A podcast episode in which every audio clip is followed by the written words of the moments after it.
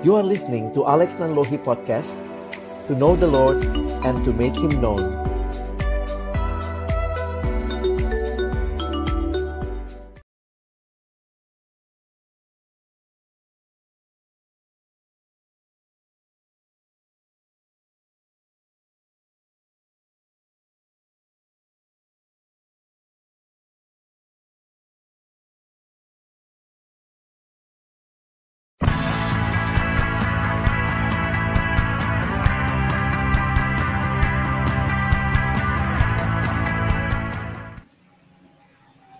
Halo, selamat malam rekan-rekan yang saya kasih dalam nama Tuhan Yesus. Kembali bersama dengan saya Feby Timotius dari Bara Digital Ministry. Malam hari ini kita kembali belajar kebenaran firman Tuhan, satu tema yang masih berkaitan dengan di hari Paskah, di hari Minggu yang lalu, kebangkitan Kristus, kebangkitan kita. Nah, mengapa sih kebangkitan Kristus itu menjadi juga adalah kebangkitan kita?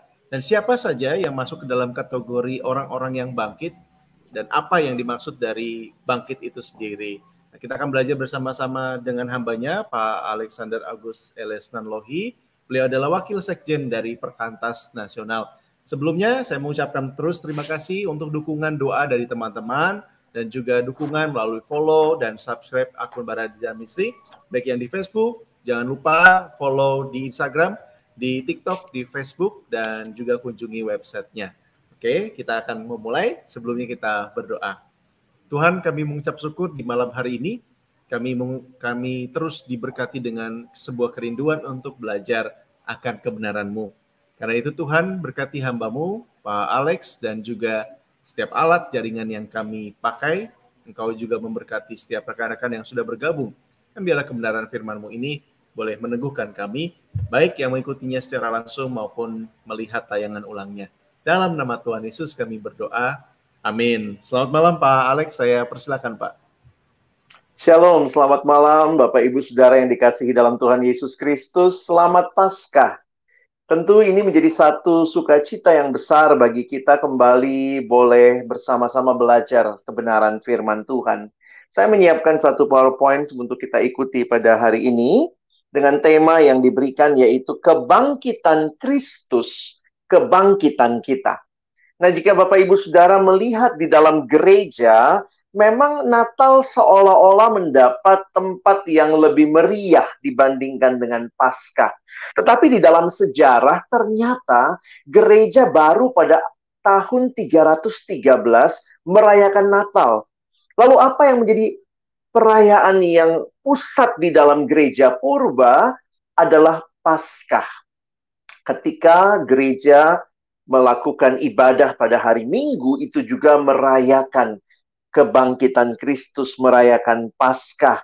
Mungkin karena Natal dekat dengan sale akhir tahun, rasanya begitu meriah. Tetapi tentunya Natal, Jumat Agung, dan Paskah adalah satu kesatuan dari karya Kristus yang bukan hanya memberikan kepada kita keselamatan, tetapi juga membawa kita ke dalam sebuah kehidupan yang baru. Bah, untuk mengerti tema kita pada malam hari ini, saya mengajak kita akan membaca di dalam kitab Roma, Roma pasal yang ke-6 ayat 9 sampai dengan ayat yang ke-11. Mari kita membaca ayat ini bersama-sama. Karena kita tahu bahwa Kristus sesudah ia bangkit dari antara orang mati, tidak mati lagi Maut tidak berkuasa lagi atas dia. Sebab kematiannya adalah kematian terhadap dosa satu kali dan untuk selama-lamanya. Dan kehidupannya adalah kehidupan bagi Allah. Demikianlah hendaknya kamu memandangnya. Bahwa kamu telah mati bagi dosa, tetapi kamu hidup bagi Allah dalam Kristus Yesus. Bapak Ibu Saudara yang dikasihi Tuhan dalam ayat-ayat yang kita baca baru saja ini, saya akan mengajak kita membahas dua fakta kebangkitan. Sebagaimana tema kita, yang pertama adalah kebangkitan Yesus, dan yang kedua kita juga akan melihat kebangkitan kita, kebangkitan orang percaya.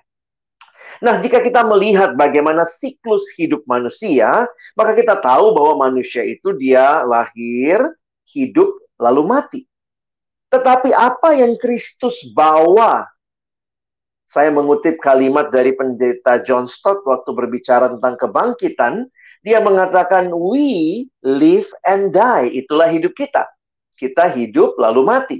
Tetapi Kristus died and live. Dia mati namun kemudian dia bangkit. Dan kebangkitan di dalam Alkitab yang kita pelajari sebenarnya adalah kebangkitan yang merupakan fakta historis.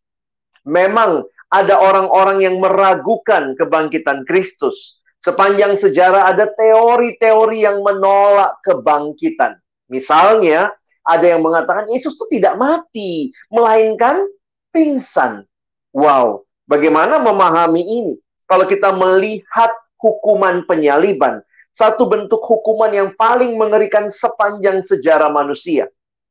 Didahului dengan sang terhukum akan dicambuk dengan cambuk Romawi yang begitu tajam sehingga punggung bisa jadi bubur. Lalu kemudian orang itu akan memikul salib dan ini juga satu prosesi menuju ke tempat penyaliban. Orang itu akan memikul salibnya sendiri. Dan kita tahu ini juga yang Yesus alami. Sehingga kalau kita melihat film Passion of the Christ, kita bisa membayangkan begitu mengerikan penderitaan yang dia alami. Bahkan ketika dia dipastikan apakah dia sudah mati atau belum, maka mereka menikam lambungnya.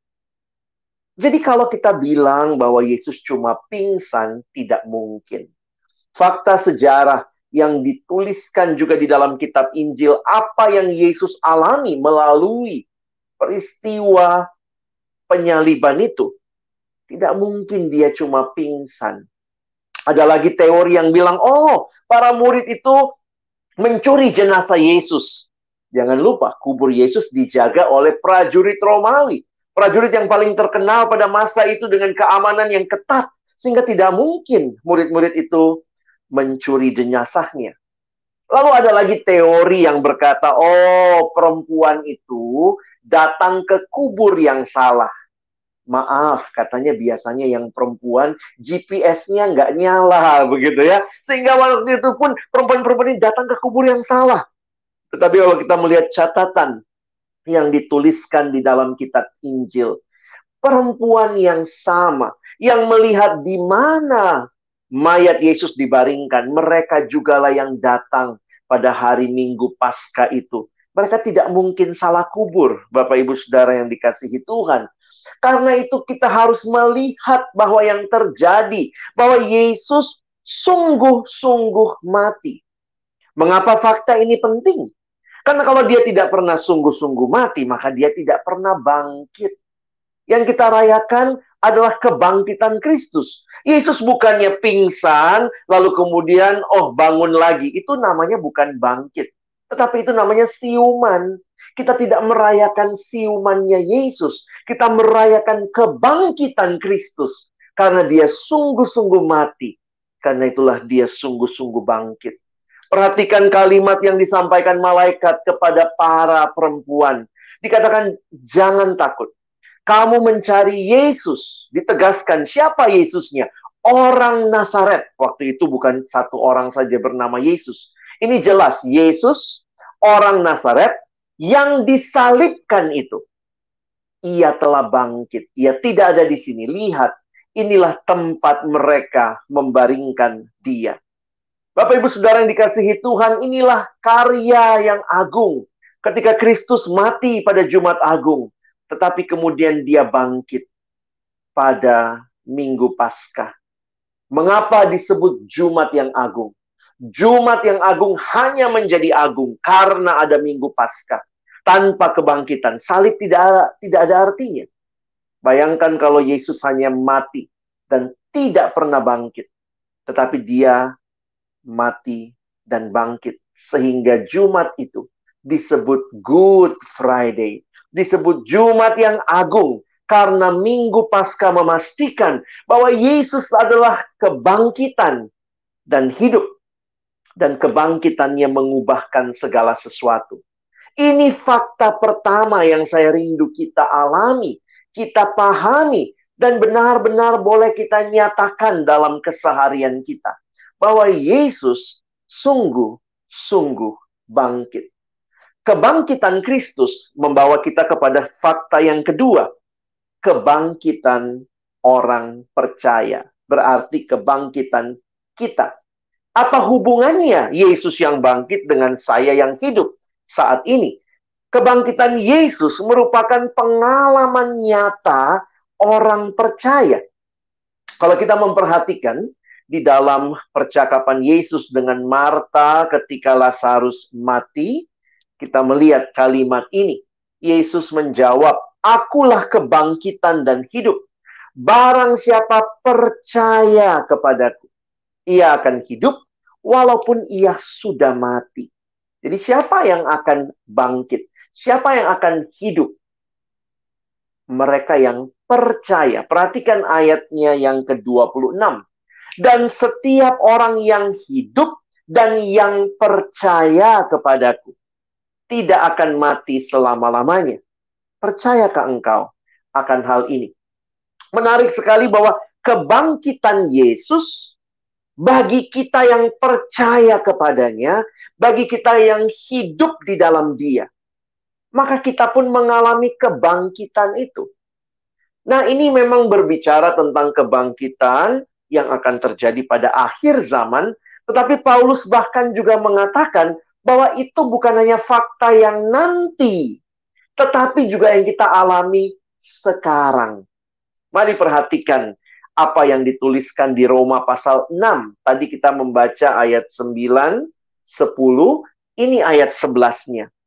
Ketika ayat 9 dan 10 berbicara tentang Yesus yang mati, Yesus yang bangkit, maka di dalam Roma 6 ayat 11, Paulus mengkaitkan kematian dan kebangkitan Kristus dengan pengalaman hidup orang percaya.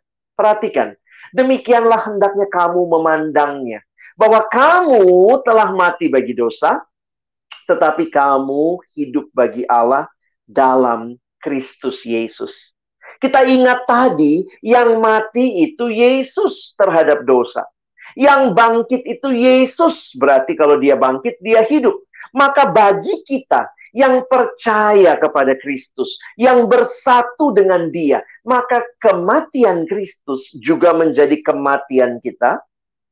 Kita pun mati bagi dosa, dan kebangkitan Kristus menjadi kebangkitan kita. Karena Kristus hidup, dia bangkit berarti dia hidup, maka saya yang percaya saya juga hidup bagi Allah. Menarik sekali bagaimana Paulus memandang kebangkitan bukan sebagai sebuah fakta nanti, tetapi dalam relasi dengan Allah saat ini. Bahwa kita yang bangkit itu berarti kita mati bagi dosa, tetapi kita hidup bagi Allah dalam Kristus Yesus.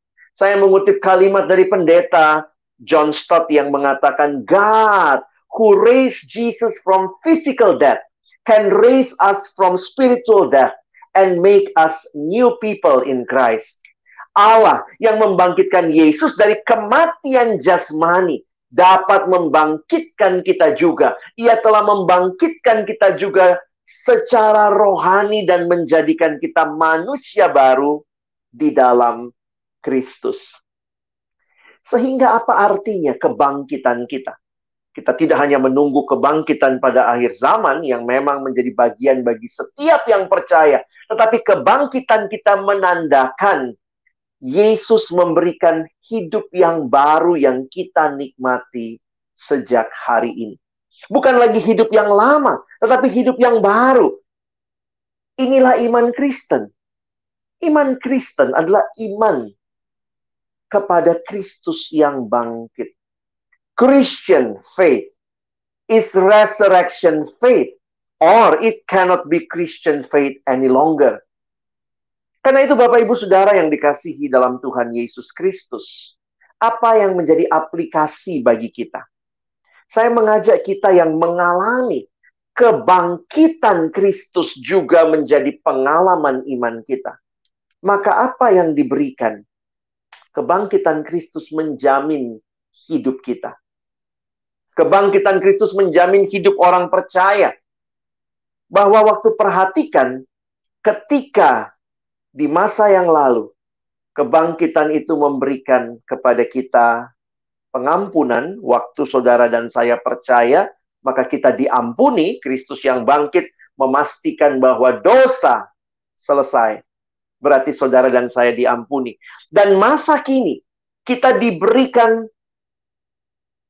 kuasa untuk melawan dosa. In the present, kebangkitan memberikan kita power. Kita bukan lagi hamba dosa. Dan kebangkitan Yesus menjamin hidup kita di masa depan bahwa kita juga akan hidup bersama Dia di dalam hidup yang kekal. Ini memberikan kita hope. Secara cepat kita lihat ayat-ayatnya yang menjamin tiga hal ini. Seluruh hidup kita, past, present, and future. Di dalam masa yang lampau, pengampunan Allah. Perhatikan, kalau Kristus tidak bangkit, kata Paulus di 1 Korintus 15 ayat 17.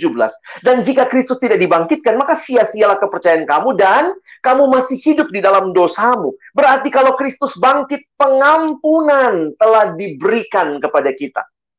Pengampunan adalah salah satu kebutuhan mendasar setiap manusia. Sebab setiap kita memiliki satu atau dua aib terpendam itu bisa terkait dengan apa yang pernah kita pikirkan, kita ucapkan, kita lakukan, yang kemudian kita sesali dan membuat kita merasa malu. Nurani kita terus menuduh kita, mengomeli kita, menyalahkan kita, bahkan menyiksa kita. Bayangkan kalau Kristus tidak bangkit, kata Paulus, maka kamu masih hidup dalam dosamu yang begitu menyiksa. Karena itu kebangkitan Kristus ketika saudara dan saya percaya memberikan kita kebebasan dari ketakutan. Kebangkitan Kristus memberikan kita hidup yang dimerdekakan dari rasa bersalah dan penghakiman Allah. Tapi kemudian bukan hanya masa lalu kita diampuni dari dosa-dosa yang sudah pernah kita lakukan, tetapi masa kini kebangkitan Kristus memberikan kita kuasa untuk melawan dosa. Roma 8 ayat yang ke-11. Ini ayat-ayat kebangkitan.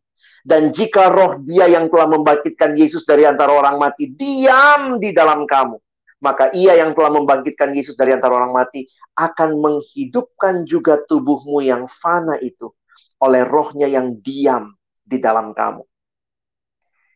Roh Kudus diberikan sebagai penuntun hidup setiap kita. Dia memberikan kita kuasa Sadarkah saudara dan saya bahwa roh yang membangkitkan Yesus itu, roh yang penuh kuasa yang hebat itu, itu ada dalam diri kita. God's power is in us. Kuasa itu bukan hayalan Bapak Ibu Saudara, bukan juga impian yang masih nanti, tetapi realita yang dinyatakan dalam kehidupan orang percaya, sehingga melalui ketaatan kepada kehendak Allah, orang percaya menikmati kuasa Allah yang hebat itu. Melalui kebangkitan Yesus yang hidup kembali, Yesus memberikan kita kuasa atas segala kecenderungan dosa. Ketika kita mengizinkan Dia mengendalikan hidup kita, sehingga kita bisa berkata, "God, I am free in Jesus." Dan yang terakhir, kebangkitan Kristus memberikan juga pengharapan kepada kita bahwa Tuhan akan datang kedua kali dan menggenapkan segala sesuatunya. Apa yang akan dia berikan kepada kita? Perhatikan di 1 Petrus 1 ayat yang ketiga sebagai ayat terakhir yang kita renungkan. Terpujilah Allah dan Bapa Tuhan kita Yesus Kristus yang karena rahmatnya yang besar telah melahirkan kita kembali oleh kebangkitan Yesus Kristus dari antara orang mati, perhatikan, kepada suatu hidup yang penuh pengharapan. Bapak Ibu Saudara, hidup dalam dunia ini banyak pergumulan ya. Tetapi kebangkitannya oleh kebangkitan Yesus Kristus dari antara orang mati memberikan kita pengharapan suatu hidup yang penuh pengharapan. Mengapa kita bisa punya pengharapan? Karena kita punya juru selamat yang bangkit.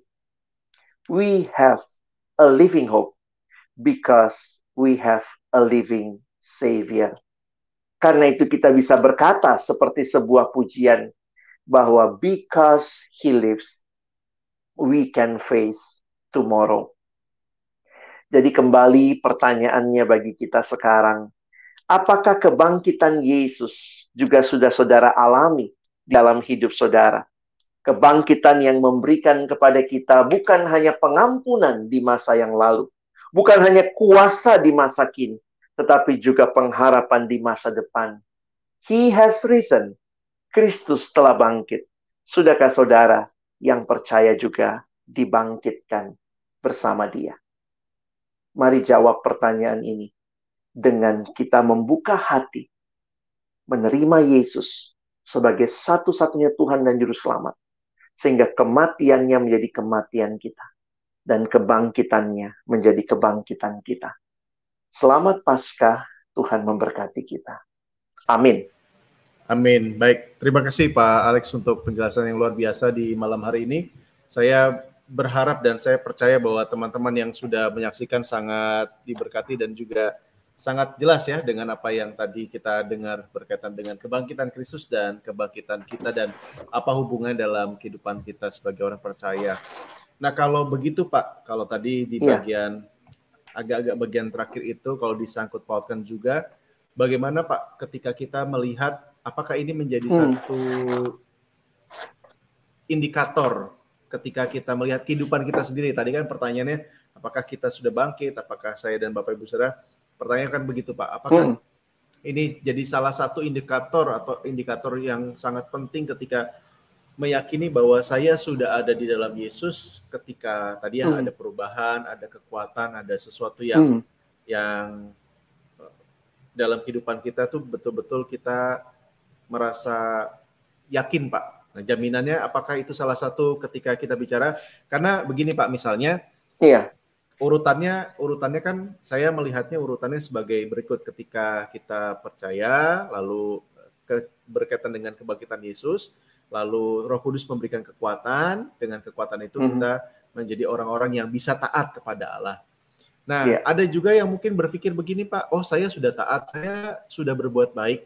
Nah, apakah mm. itu menjamin bahwa saya sudah dalam Kristus ketika patokannya itu di mana, Pak? Apakah melihatnya sebagai mm -hmm. karena saya sudah berbuat baik nih gitu atau sudah melakukan sesuatu yang diperintahkan Tuhan? Iya. Oh, menarik ini Pak ya. Jadi kaitannya saya pikir ada beberapa hal yang perlu kita pahami. Yang pertama, di dalam kekristenan keselamatan bukan karena perbuatan baik. Nah, itu kita harus jelas. Loh, kalau keselamatan bukan karena perbuatan baik, lalu kita selamat karena apa? Kita selamat yang kedua hanya karena anugerah dalam Kristus Yesus. Jadi kekristenan bicara keselamatan bukan apa yang saya lakukan bagi Allah, tetapi keselamatan kita adalah apa yang Allah di dalam Kristus lakukan bagi kita. Nah, yang ketiga, lalu di mana letaknya perbuatan baik? Di dalam iman kita, perbuatan baik punya tempat bukan sebagai syarat supaya selamat, tetapi perbuatan baik menjadi respon karena seseorang telah diselamatkan. Jadi saya harap kita paham tiga hal ini. Keselamatan bukan karena perbuatan baik, keselamatan hanya karena anugerah, tetapi keselamatan harus diresponi dengan perbuatan baik. Sehingga bukti kita diselamatkan ya ketika kita juga bisa melihat bagaimana orang yang diselamatkan, yang mengalami Kristus mengubah hidupnya, melakukan hal-hal yang baik, yang memuliakan Tuhan dan menjadi berkat bagi sesama. Mungkin begitu, Pak. Baik, jadi ada sesuatu yang jelas berbeda begitu ya Pak. Meskipun Betul. mungkin tadi oke-nya saya eh, rasa-rasa itu ada gitu. Nah, ketika seseorang Pak merasa bahwa saya yakin sudah dalam Yesus, saya hmm. sudah ada dan diselamatkan, diampuni, tapi iya. dalam kehidupan ketika ini Pak, ketika tadi ada godaan atau ini ya bisakah disebut sebagai rongrongan dari si jahat yang hmm hmm. menekan, yang mengintimidasi, misalnya sampai pada taraf, wah kamu kan hamba Tuhan, kamu kan anak Tuhan, kok masih berbuat hmm. begitu gitu. Jadi yang kadang-kadang mungkin beberapa orang bahkan banyak orang menjadi frustasi pak untuk ya kan ya daripada saya ngomong tobat lagi, minta ampun lagi, besok begitu lagi. Nah, apakah itu semacam rongrongan yang memang mengintimidasi kita atau memang atau sesuatu yang lain yang pada akhirnya bisa melemahkan kita, Pak? Iya.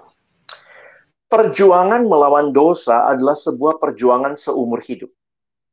Dan sebenarnya ketika ini kalau saya menghayatinya begini ya Pak.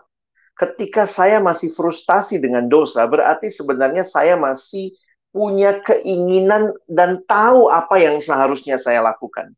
Sehingga jangan menjadikan perasaan itu sebagai rasa bersalah yang membuat kita terpuruk, tetapi jadikanlah perasaan itu sebagai sebuah kenyataan untuk karena itu saya mau bangkit lagi untuk hidup bagi Allah. Jadi memang ini bukan hal yang mudah karena kan perjuangan ini seumur hidup. Ada yang pernah datang sama saya, kenapa ya kak? Saya nggak bisa hidup uh, sempurna ya. Saya bilang memang kita tidak tidak akan hidup sempurna sekarang. Loh, kalau begitu kenapa? Bagaimana? Saya bilang kamu pernah ke gereja? Pernah kak. Di gereja kita ngapain biasanya? Dalam liturgi ada bagian pengakuan dosa. Itu saja sudah menandakan bahwa sebenarnya di dalam hidup beriman kita kita belum pernah bisa sempurna karena itu kita menunggu kedatangan Kristus kedua kali yang nantinya akan datang menggenapkan semuanya dan membawa kita ke dalam hidup yang sempurna. Tetapi pengakuan dosa bukanlah membuat kita lebih rajin berdosa kan minggu depan nanti diampuni lagi gitu ya. Jadi ini menjadi jadi jangan menjadikan perasaan kita adalah ya sudahlah karena saya jatuh lagi dalam dosa ya udahlah begini aja terus. Tapi kesadaran bahwa saya salah tapi kenapa saya masih sadar saya salah? Ternyata itu adalah cara Tuhan mengingatkan kita untuk bangkit lagi dan hidup bagi dia. Jadi saya pikir itu kali ya, perjuangan melawan dosa membuat kita makin hari makin berserah sama Tuhan. Saya pikir itu sikap yang benar ya, sehingga uh, jangan menjadikan uh, kenyataan saya masih jatuh dalam dosa, saya ke gereja pun masih ada pengakuan dosa, membuat kita makin rajin berbuat dosa. Saya pikir itu respon yang salah. Wow, wow. Dan itu berarti ketika tidak ada perasaan atau tidak ada rasa bersalah itu malah itu sesuatu yang berbahaya begitu ya Pak ya? Betul Pak. Saya suka mikir gitu. Kalau kalau dia lakukan dosa udah nggak ada rasa bersalah, wah ini anak siapa ya? Karena kalau dia anak Tuhan, ada roh kudus yang diam di hati kita, dan roh itu akan terus memimpin kita. Makanya Paulus katakan di Galatia, hiduplah dipimpin oleh roh. Jadi kalau nggak ada perasaan bersalah, makanya kalau ada yang datang masih rasa bersalah, Pak, saya pikir wah masih ada harapan. Ini anak Tuhan nih ya. Iya, iya. Baik, baik, baik.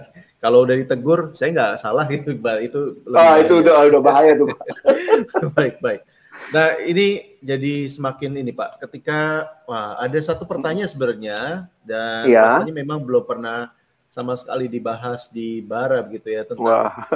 uh, saya nggak tahu apakah ini bisa nanti jadi satu tema khusus karena cukup biasanya cukup panjang juga dari Rosemary. Ya. Nah ini usianya kalau nggak salah waktu itu tahun kemarin itu baru 13 tahun Pak. Apakah hmm, benar hmm. bahwa Tuhan akan datang kedua kalinya Pak? Tadi Pak Al Pak Alex juga sampaikan itu. Iya. Di dalam iman kita, itu yang kalau kita baca dan juga renungkan dari firman Tuhan, dan kemudian gereja dalam tradisinya mensummary itu di dalam yang kita sebut pengakuan iman rasuli. Dari mana pengakuan iman rasuli? Jadi itu bukan hanya buatan-buatannya para rasul, tetapi pengakuan iman yang berdasarkan kepada apa yang firman Tuhan sampaikan. Dan di dalam bagian terakhir kita mengatakan aku percaya kepada gereja yang kudus dan am, persekutuan orang kudus, pengampunan dosa, kebangkitan daging dan hidup yang kekal.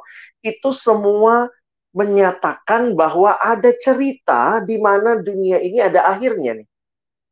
Dan itu membuat kita menyadari bahwa satu waktu kita akan berhadapan dengan Kristus yang akan datang kedua kali. Makanya di dalam kalimat uh, yang uh, lahir dari anak darah Maria menderita sengsara di bawah pemerintahan Pontius Pilatus disalibkan mati dan dikuburkan turun ke dalam maut pada hari yang ketiga bangkit pula dari orang mati naik ke surga duduk di kanan Allah Bapa dan dari sana ia akan datang kembali ada banyak ayat-ayat yang menyatakan hal itu dan memang itu adalah keyakinan iman kita bahwa Yesus akan datang kedua kali.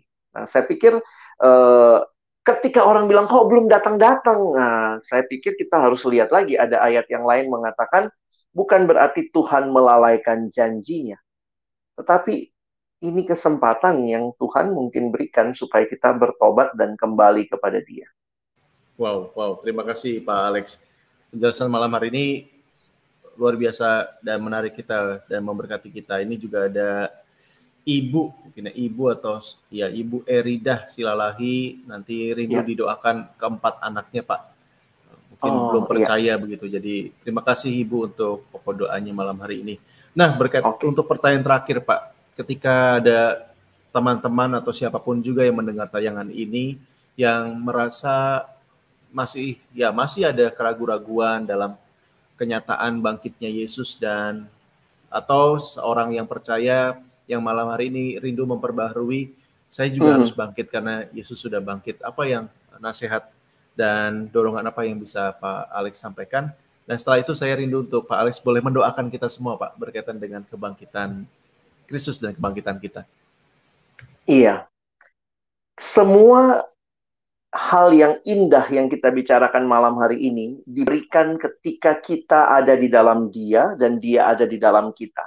Itu berarti ada persatuan dengan Kristus dan itu menjadi satu bagian penting dalam iman percaya kita. Semua orang bisa bicara Yesus mati. Semua orang bisa bicara Yesus bangkit. Tetapi kita yang percaya, kita bisa berkata Yesus mati bagiku. Yesus bangkit bagiku. Karena itu Bapak Ibu Saudara buka hati terima Yesus. Jadikan dia satu-satunya Tuhan dan Juru Selamat. Dan meyakini bahwa apa yang dia berikan, yang dia janjikan itu bukan isapan jempol. Kalau kita melihat apa yang ada di dalam Alkitab sudah begitu banyak hal yang Tuhan genapkan. Dan kita masih menunggu kedatangannya kedua kali yang juga pasti akan terjadi karena itu yang Tuhan janjikan. Jadi memang bukan di waktu kita, tapi ada di waktunya dan itu membuat kita justru ya mari nikmati hidup yang bangkit itu sekarang.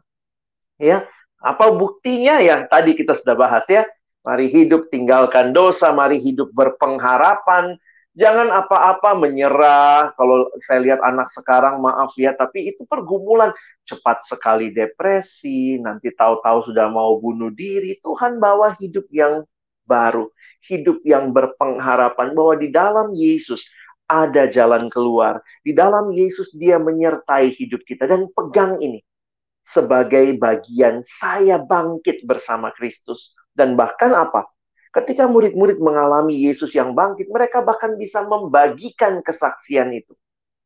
Karena ada orang-orang di sana, di sekitar kita yang mungkin juga membutuhkan pengharapan, mungkin membutuhkan kelepasan dari dosa. Nah, kalau kita sudah mengalaminya, biarlah kita juga membagikannya, memperkenalkan Yesus yang mati dan bangkit juga bagi mereka. Dan kiranya Bapak Ibu Saudara sekalian, itu bukan hanya sebuah teori.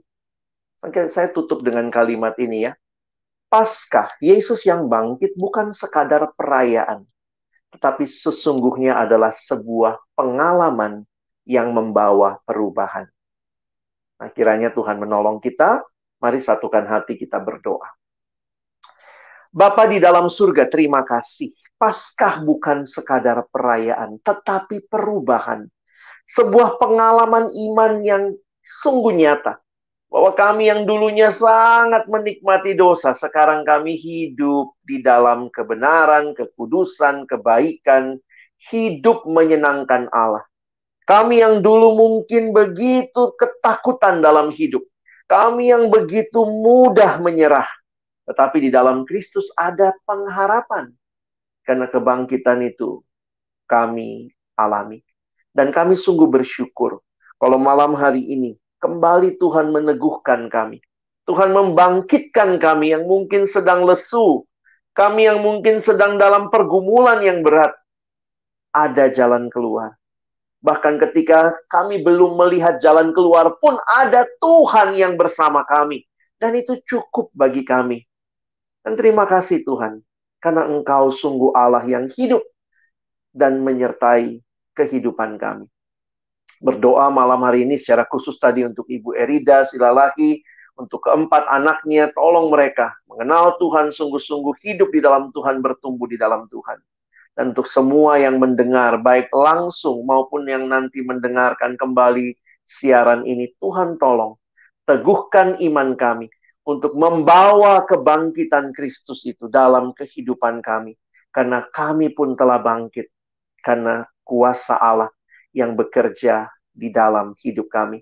Terima kasih untuk Bara Digital Ministry, untuk Pak Febi dan tim, baik yang di belakang layar juga, semuanya Tuhan tolong agar pelayanan ini membawa banyak jiwa, mengenal Tuhan, dikuatkan di dalam Tuhan, dan bahkan bersaksi, membagikan konten-konten yang baik di tengah-tengah dunia yang penuh dengan hoax ini.